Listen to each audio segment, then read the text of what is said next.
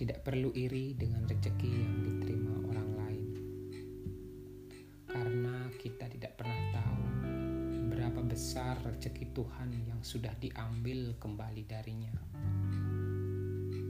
dan kita tidak tahu rezeki yang Tuhan sudah rencanakan akan kita terima ke depan.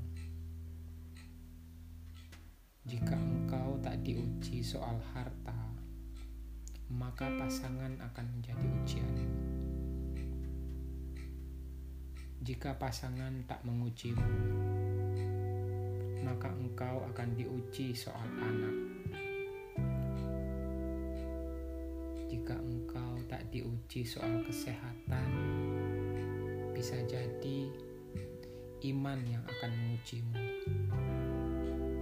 Terus saja begitu, bergantian tiada henti. Dunia ini ujian, bukan tujuan.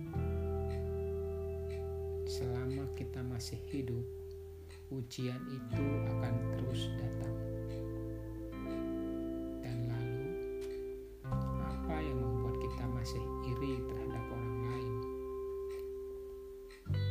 Di dalam pekerjaan pun begitu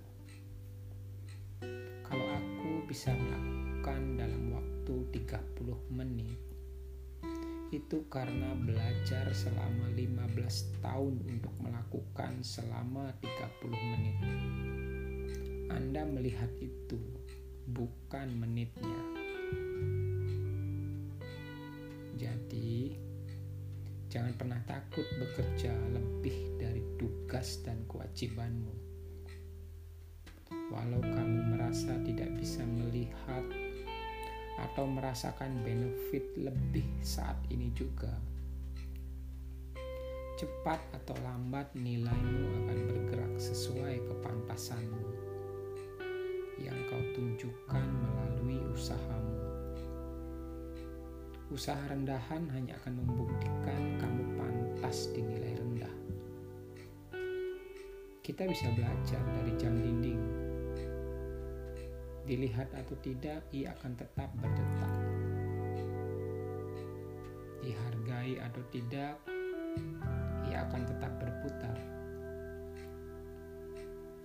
Karena direndahkan tidak akan mungkin jadi sampah.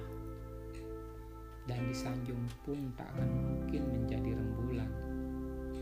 Jangan pernah risaukan omongan orang. Terus melangkah selama di jalan yang benar meski terkadang kebaikan tidak selalu dihargai.